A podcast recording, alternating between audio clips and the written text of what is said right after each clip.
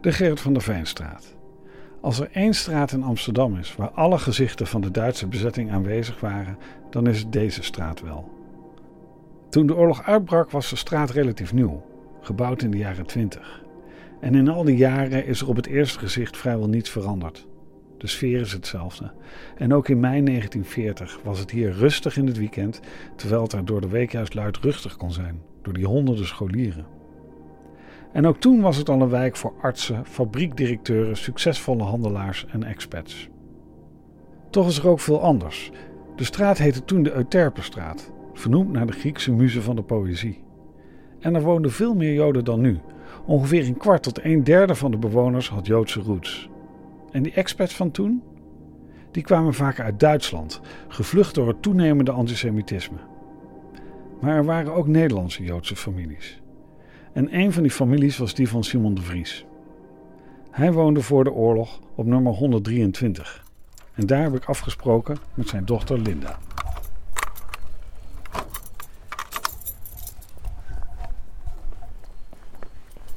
Hallo.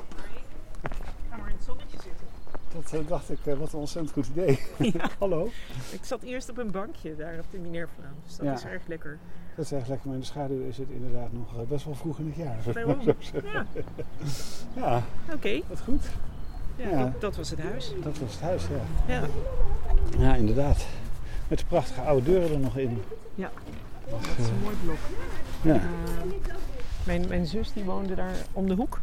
En, Oh en op een gegeven moment hadden ze allemaal van die plaketten in de raam rond 4 mei. Dat eh, welke mensen daar waren weggehaald. En zij liep met haar tikkeltje altijd hetzelfde blok. En kijkt ineens naar die namen van haar halfzusjes. En denkt van, oeh ja, hier woonde mijn vader.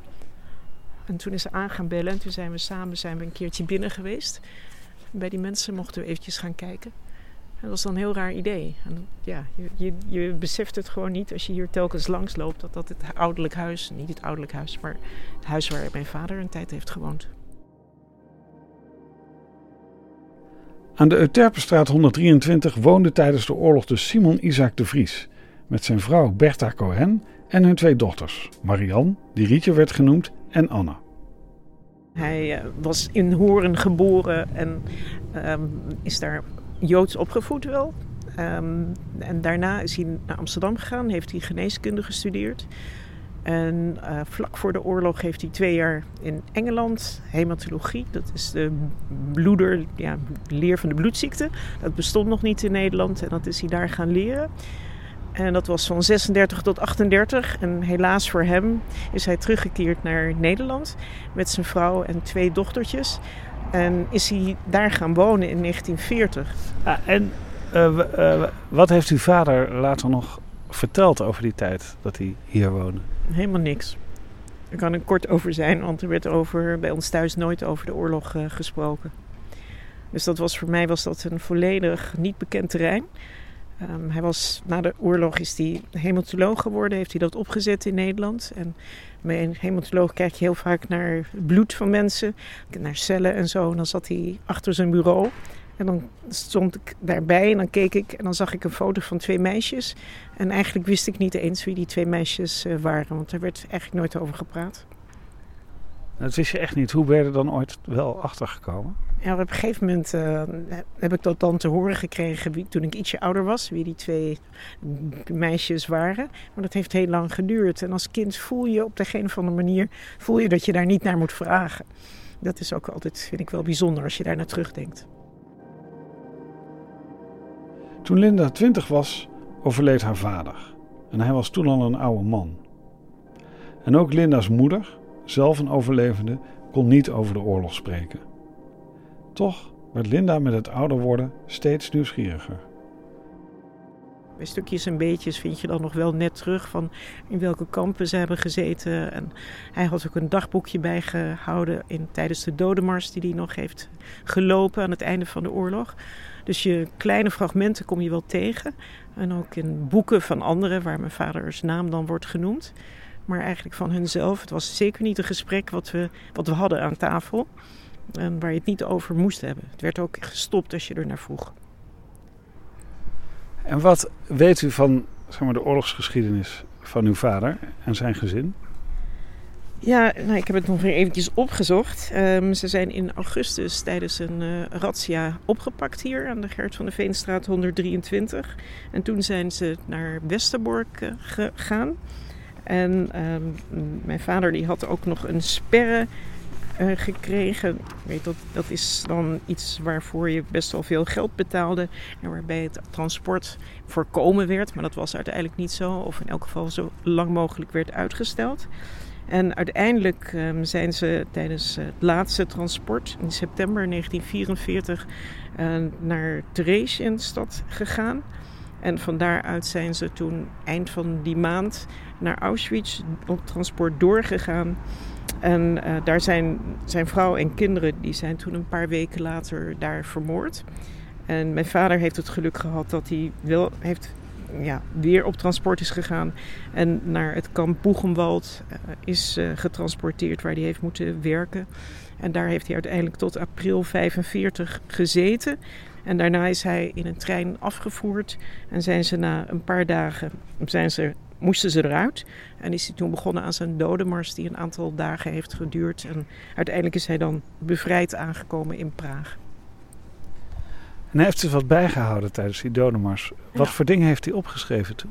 Ja, dat is ten eerste had mijn vader een vrij onleesbaar handschrift. Dus dat was al een uitdaging als echte arts. Maar uh, het waren ook hele kleine fragmenten van uh, geen brood of er is brood gestolen. Uh, of er is iemand doodgegaan, iemand neergeschoten. Dus dat waren, het waren hele korte fragmenten waar eigenlijk niet echt een verhaal in zat.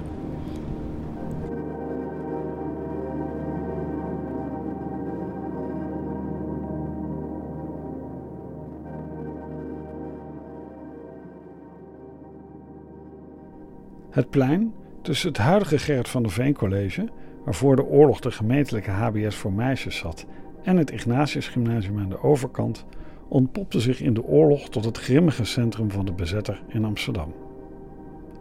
In de Gerrit van der Veenschool nam de Sicherheidsdienst, kortweg SD, al in juli 1940 zijn intrek.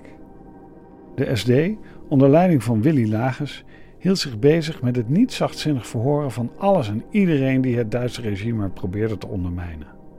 Onder hen de grootvader van de huidige directeur van de school, Jan-Willem Dienske. Mijn grootvader is Hendrik Dienske. Um, en Hendrik Dienske heeft in het Amsterdamse Verzet gezeten. Onderdeel van de groep 2000 met Jacoba van Tongeren. En mijn opa uh, heeft samengewerkt met Gerrit van der Veen ook in die oorlogstijd. Um, mijn opa is op een gegeven moment verraden, gevangen genomen. Gerrit van der Veen heeft geprobeerd hem te bevrijden toen hij gevangen zat op de Weteringschans. Um, dus ja, dat is een hele bijzondere link die je hebt als directeur van een school die Gerrit van der Veen College heet. Met de geschiedenis die we kennen.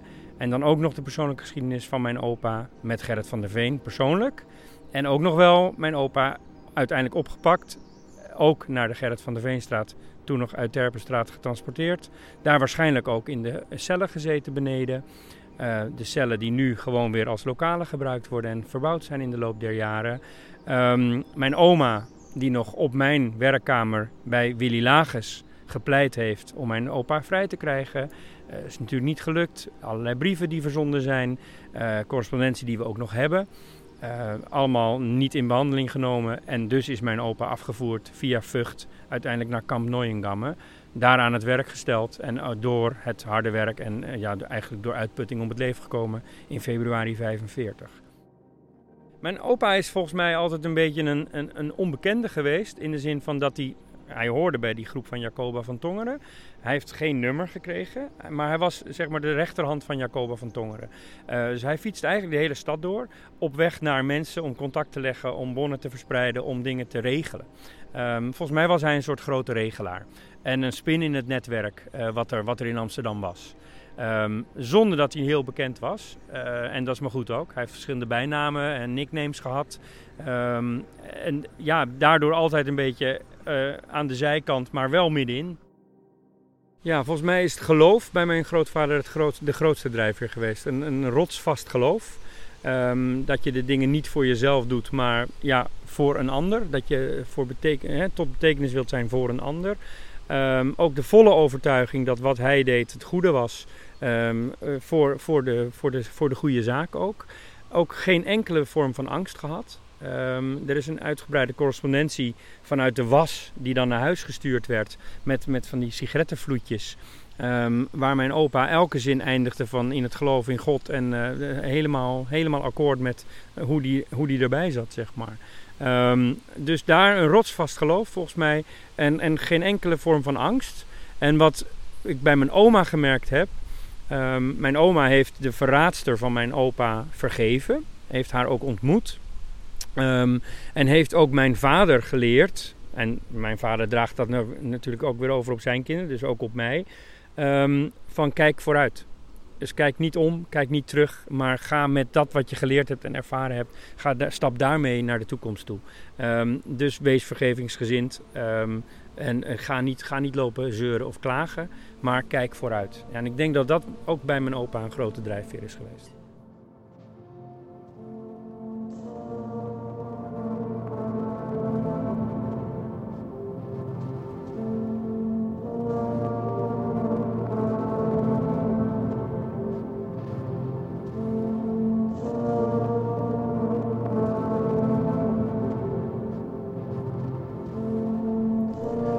In de leegstaande christelijke meisjes HBS aan de overkant, waar nu het Ignatius zit, vestigde zich in maart 1941 de Centraal Steller voor Judische Uitwandeling. Vanuit dit kantoor werd de Jodenvervolging geregeld. Aanvankelijk waren ze daar bezig om de geplande migratie van Joden naar Madagaskar te regelen. Maar toen dat niet doorging, werd hier de deportatie naar Westerbork georganiseerd. Ook zat de Huisraad Erfassungsstelle daar de organisatie die de huizen van Amsterdamse Joden leeghaalde. En de kolonne Hernijken, die Nederlanders 7 gulden 50 betaalden per aangegeven Jood. Het was een plek die angst inboezemde. Als iemand naar de Euterpenstraat was gegaan, betekende dat weinig goeds. In het begin van de Jodenvervolging en aan het einde daarvan werd de school ook gebruikt als verzamelingsplaats voor opgepakte Joden. Ook Anne Frank en haar familie werden hier naartoe gebracht net als Carla Josefa Gitta. Carla is in 1931 in Amsterdam geboren. Carla woont vandaag op steenworp afstand van de Gerrit van de Veenstraat in Zuid. Ze is Joods, maar ook remonstrants en zat tijdens de oorlog in Bussum. Ik was bij een familie in huis. Tegenwoordig noemt iedereen dat onderduiken, maar het waren, ik was op mijn eigen school met mijn echte naam dus er was eigenlijk niks illegaals aan. Midden in de nacht, ik hoorde een kerkklok drie slaan. Op dat moment ging er een voordeurbel. Ik hoorde iemand op het grind lopen. Het was alsof het allemaal tegelijk was. En voordeurbel en ik schrok wakker en ik dacht, dat is voor mij. Zo is het gebeurd. Ik ben, is een ontzettende herinnering. En mijn broer was al gearresteerd en die was al naar het politiebureau in Bussum gebracht. En daar ben ik toen ook naartoe gebracht. Een Hollandse agent. En degene bij wie ik in huis was, is zo trouw geweest, die is meegelopen naar het politiebureau. Dat heb ik zo indrukwekkend gevonden, dat die wou mij niet alleen laten gaan. Ik weet dat we naast die fiets liepen en dat het, nou ja, s morgens vroeg was, beginnende dag. Het was in juni, het was in deze tijd van het jaar, dat je langzaam de zon zag opkomen. Mijn broer was er al in het politiebureau en we zijn de dag daarna naar Amsterdam gebracht. En zijn hier in het Gerrit van der Veen College, wat dus de Euterpenstraat heette in die tijd, verhoord door de SD. Dat was het hoofdkwartier van de SD. En daar gingen vreselijk veel verhalen rond die ik hoorde. Ik was twaalf jaar. En ik wist dat er gemarteld werd en daar was ik heel bang voor. Het waren, denk ik, voornamelijk mensen die in het verzet hebben gezeten, die daar verhoord werden, gemarteld werden. Maar goed, wij kwamen uit de Joodse hoek, zeg maar. En ik vond dat verhoor heel griezelig. We zaten samen op een bankje voor iemand achter een bureau. En dat was al intimiderend.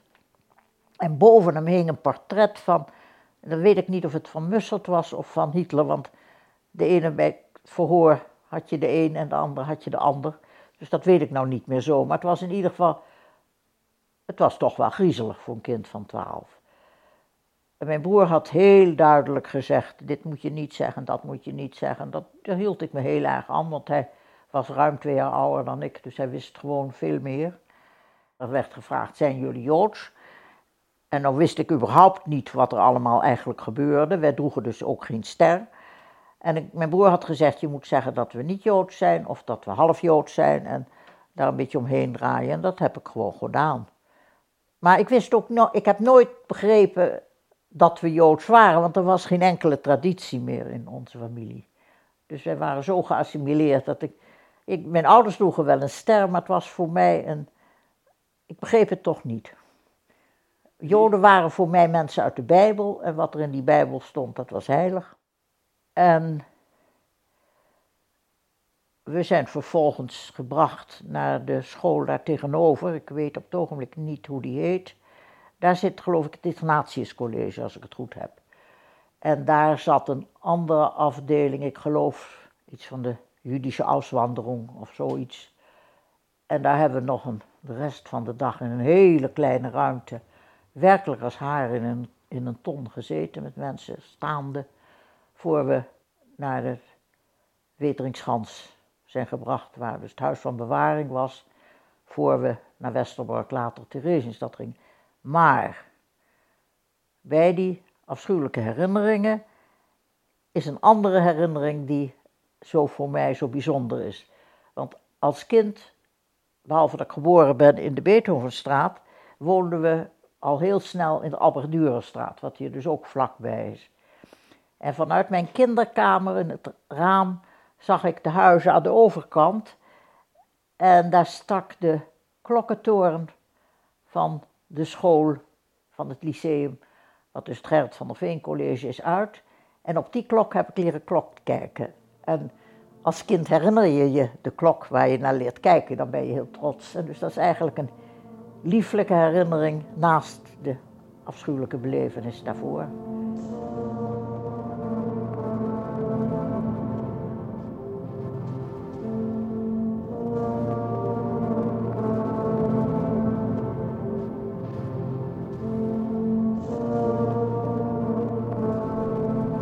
Het hoofdkwartier van de Duitse inlichtingendienst bombarderen, waardoor het verzet veel vrijer te werk zou kunnen gaan. Dat was een van de ideeën die in Londen bij de Nederlandse regering in ballingschap op tafel lag. Prins Bernard, inmiddels bevelhebber van de binnenlandse strijdkrachten, zag het wel zitten. De Royal Air Force vond het eigenlijk te riskant. De gebouwen lagen veel te veel midden in een woonwijk, vonden zij. Dat zou tot onnodig veel slachtoffers leiden.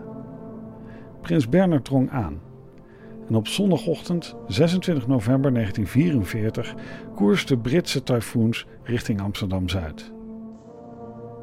Op dat moment speelde de vierjarige Ineke op het plein.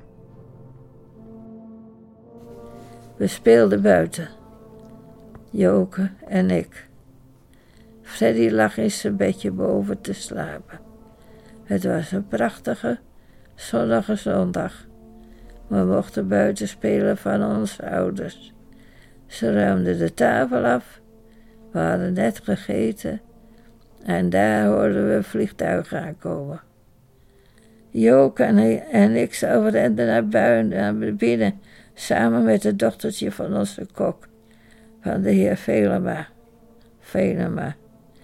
We stonden in de hal en werden een wc ingetrokken door de verpleegster. Joke, mijn zus, hield onze handen vast. Ik aan de ene kant en het meisje aan de andere kant. Joke wilde uit de wc en we stonden in de hoek van de hal. De bommen vielen en de hal verdween. Alleen ons plekje was nog intact. De verpleegster verbrandde in de wc. Boven ook nog bommen. Mijn vader zei tegen mijn moeder: Ga jij naar beneden? En hij ging naar boven naar Freddy. We hebben niets meer voor een gezien. Twee dagen daarvoor was onze vader jarig.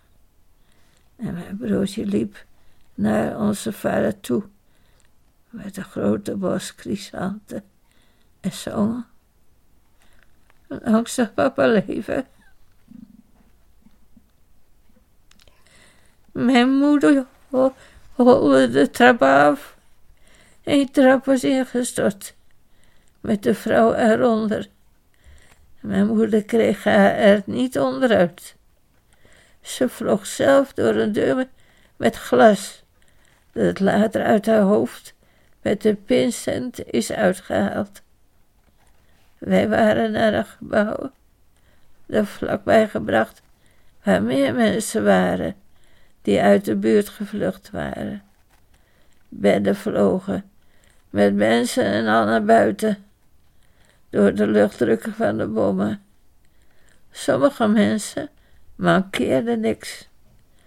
De kok, heer Velema, haalde zijn zoontje ook uit bed. Hij gleed langs de regenpijp naar beneden. En toen mijn moeder wist dat ook en ik door een nicht en haar man, die op de fiets waren gaan kijken waar de bommen waren gevallen, waren veiliggesteld, ging ze op zoek naar onze vader en Freddy, ons broertje. Resten in vuilnisbakken naar het ziekenhuis enzovoort. Mijn moeder vond ze niet meer. Veel mensen wandelden die dag en zagen mijn moeder onder het stof en glas aan bloed lopen en begrepen niet wat er aan de hand was. De SD hadden maar vier doden, terwijl er vijftig slachtoffers waren. 30 tot 40 huizen verwoest.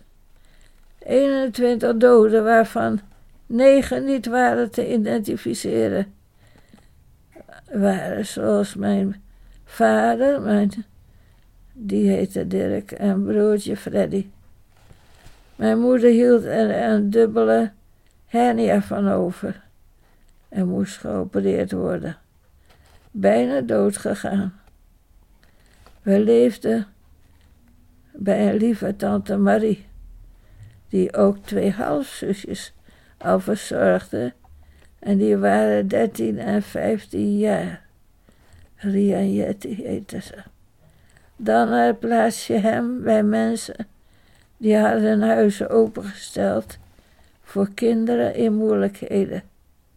Het heeft jaren geduurd voordat we een eigen woning kregen. Met inwoning van twee Joodse mensen, die ook geen huis konden betalen. Daar in de hal bij het bombardement hadden we een beschermengel om ons heen. Waarom? Wij wel. Alleen God weet het.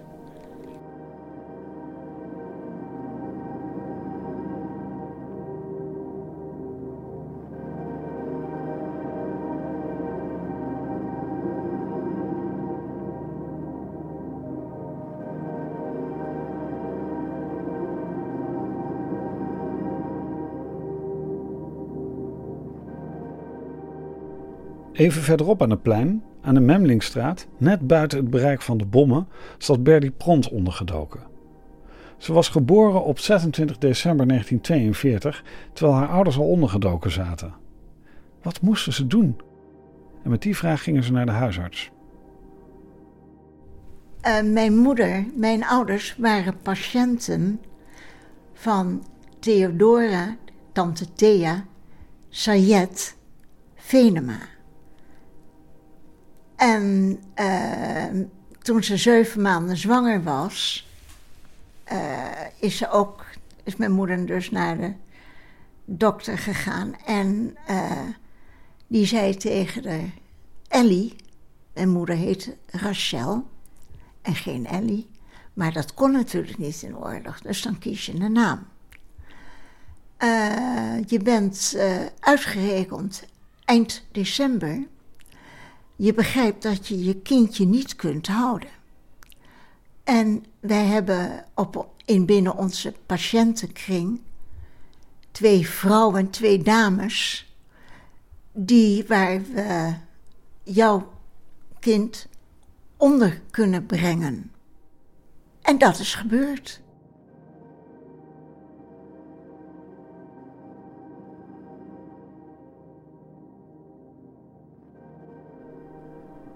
Die twee dames waren Greet van Hinten en Cornelia Hennekamp, die elkaar hadden leren kennen via een advertentie. Greet had een boekhandel in de Scheldestraat en ze zocht naar personeel en had daarnaar om een of andere reden gezocht in een Brabantse krant. Daar had Cornelia uit Etteleur op gereageerd. Ze bleven de rest van hun leven samen. De twee dames hielden vanaf de eerste dag dat Berdy bij ze was een dagboek bij, geschreven vanuit Berdy zelf. En zo weten we precies hoe ze daar aankwam. 6 januari 43. Vanmiddag om 16 uur ben ik gearriveerd. Ik had een snoesig blauw kapetje om en was gewikkeld in een witte wollen doek, want het was nogal koud. Ik huilde wel een beetje. Met de auto ben ik hier aangekomen. Om 13 uur was ik nog in het ziekenhuis gevoed. Ik kreeg thuis een schone luier aan en kwam toen in een snoesig babymandje te liggen met een lekker kruikje. Daarna werd ik in een ledikantje in de slaapkamer gezet. Ik heb toen nog wel wat gehaald. Diverse mensen die ik niet ken zijn me wezen bezoeken en ik heb gehoord dat ze binnen beschuiten met gestampte muisjes hebben gegeten. Om 18.15 uur heb ik weer een flesje gekregen en een schone broek, want ik had me weer danig nat gemaakt. Van onze buurvrouw hebben we een mooie witte wagen te leen met een snoezig roze vachtje. Het zal fijn zijn wanneer ik daar eens in kan liggen. Plucky, de Angora-kat, heeft nieuwsgierig naar mij gekeken en er werd over mij gewaakt. Ik haat katten, tot op heden vandaag.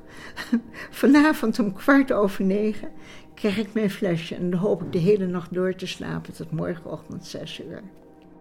Zo belandde Berdy bij haar twee onderduikmoeders. Greet noemde ze Mammy en Cornelia Kokkie. De drie leefden als een gezin. En ze hadden het goed.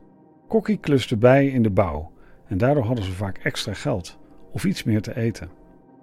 Het dagboek staat vol baby- en peuteravonturen, afgewisseld met het grote oorlogsnieuws. Het drama van de oorlog kwam bij het jonge gezin pas bij de bevrijding. 6 mei 1945. Het is zondag. Kokkie is jarig vandaag. Maar de hoofden van Kokkie en Ma duizelden. Er is zoveel te regelen en zoveel te doen. Gisterenmorgen hebben wij bezoek gehad. Daarna hebben Kokkie en Greet en ik ieder met een oranje muts opgelopen. En toen we, zijn we naar opa en oma Draak geweest. Vrienden die om de hoek woonden. Daar hebben Cor en Greet champagne gedronken. Moet je nadenken, 6 mei 1945. Champagne gedronken. Toen naar Mimi, mevrouw Slaghekken en mevrouw Bos. Daarna naar huis. We hebben gegeten en ik ben naar mijn bedje gegaan. Ik heb flink lang geslapen, maar het was ook de bedoeling. Want, we mochten tot negen uur op straat. Toen naar oma en opa Hennekam. Daar hebben we koffie gedronken en ik heb een sneetje brood gegeten. Toen weer naar huis. Overal waar men keek waren vlaggen. Vlaggen, alles was even feestelijk. We waren naar de Apollonaar gegaan, waar een grote bloemenhulde was gebracht aan de gefusilleerde Nederlandse interne strijdkrachten. Iedere heer ontblootte zijn hoofd en iedereen bracht een stille groet. Ik mocht van Kokkie en Greet bloemen neerleggen. Het was allemaal even plechtig en geen luidruchtig rumoer. Kokkie had voor mij een diadeem gemaakt van oranje bloemen en die, en die ging over mijn mutsje heen. Men zag ondergedoken Joodse mensen die na vier jaar eindelijk weer tevoorschijn konden komen. En toch, toch was er nog iets onwezenlijks. De Duitsers waren nog niet ontwapend. En de Canadezen waren nog niet hier. De hele dag hebben Amerikanen en Hollanders boven de stad gevlogen. Zeer laag. Het was feestelijk rumoer nu te weten dat ze voor een goed doel vlogen. Gisteren kwam tante Thea, de arts, vertellen dat mijn eigen ouders mij wilden zien. Cor is de hele dag van streek geweest. Greet was in dit geval de flinkste. Het was natuurlijk een hard gelach, maar de tijd zal het leren en doen vergeten. Nou, vergeet het maar. Nu komen morgen mijn ouders. Greet kan nog niet zoveel schrijven, ze is moe en de emoties zijn te groot. 7 mei 1945, maandag. Vandaag ben ik met mijn ouders op stap geweest en morgen ga ik voor goed met ze mee. 8 mei 1945, dinsdag. Ik ben vanochtend meegegaan. Greet en Cor hadden veel verdriet. Maar Cor, haar broers, de Canadezen, zijn hen komen halen. En zodoende zijn ze afgeleid. Het verdriet blijft bij Cor en Greet.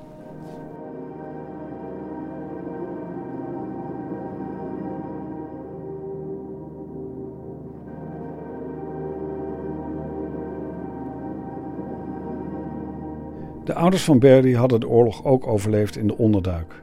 Ze waren direct na de bevrijding op zoek gegaan naar hun dochter en namen haar zonder pardon mee. Mijn ouders wilden geen contact hebben met mijn pleegmoeders. Dat vonden ze een inbreuk van hun leven. Dus jaren heb ik geen contact gehad tot het gelegen, een moment op de lagere school dat ik een fiets had. En mijn tantes, die hadden wel te doen met mij en vertelden precies waar Kokkie en Geet woonden op de Stadionkade. 18, 19, ik weet niet precies, 18, 19 is het. Bestaat nog Stadionkade. En uh, daar ben ik dus af en toe op de fiets gegaan. Dat werd beter toen ik twaalf was. Um, want ik kwam uh, op de kweeksel voor de handel in de Waldeck Piermontlaan.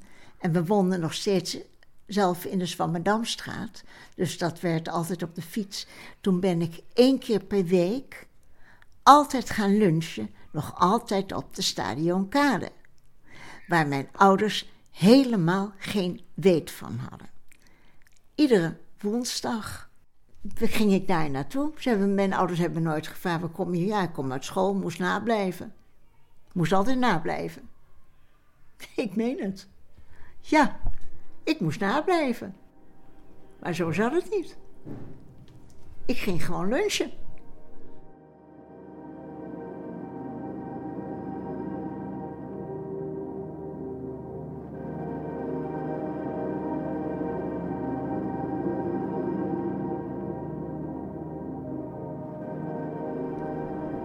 Amsterdam was bevrijd en de tol van de Euterpenstraat was hoog.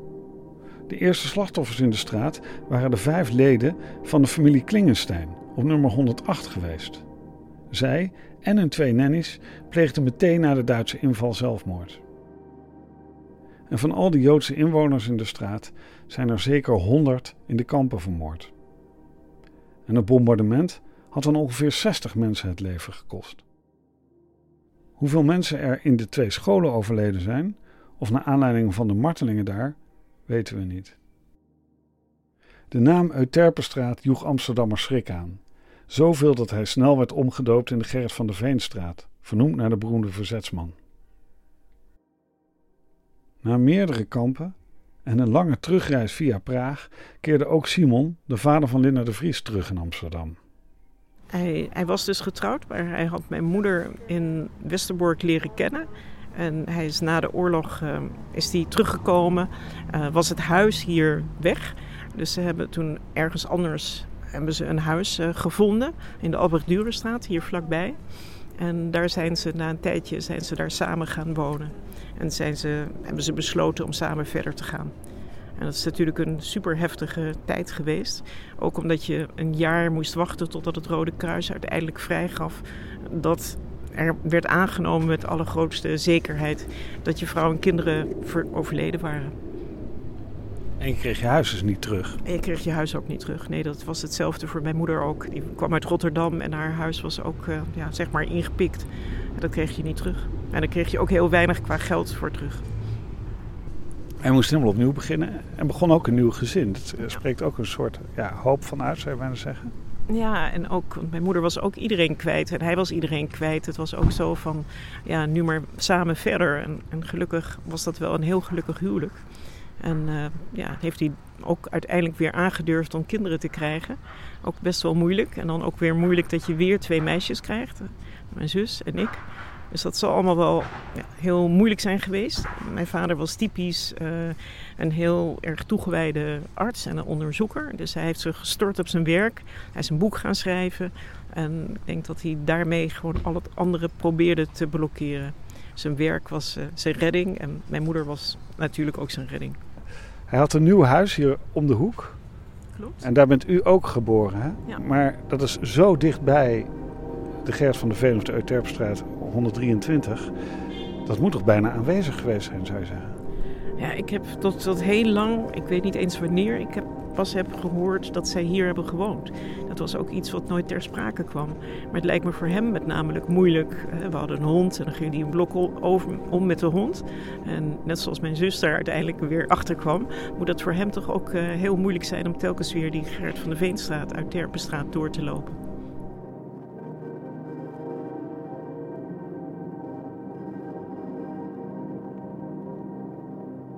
De Oorlog in Eendstraat is een podcast van het Holland Festival in samenwerking met het Amsterdams 4 en 5 mei comité. De aanleiding is de opvoering van de Desintegration Loops van William Basinski in de Gerrit van der Veenstraat op zondag 18 juni om 4 uur. Interviews en montage Pieter Bas van Wiegen en de muziek die je hoorde zijn de Desintegration Loops van William Basinski in de originele versie voor tape. Op 18 juni zal in de Gerrit van der Veenstraat de orkestversie van het werk te horen zijn. Speciale dank gaat uit naar de sprekers in deze podcast. Linda de Vries, Jan-Willem Dienske, Carla Josefa Jitta, Ineke de Jong-Kok en Berdy Vieja Pront. Zij stonden mij alle uitgebreid te woord, ondanks de soms broze gezondheid. Dank daarvoor. Het hele dagboek van Berdy Pront, geschreven door haar onderduikmoeders, is gratis na te lezen op het wereldwijde web. Ik zet een link in de show notes.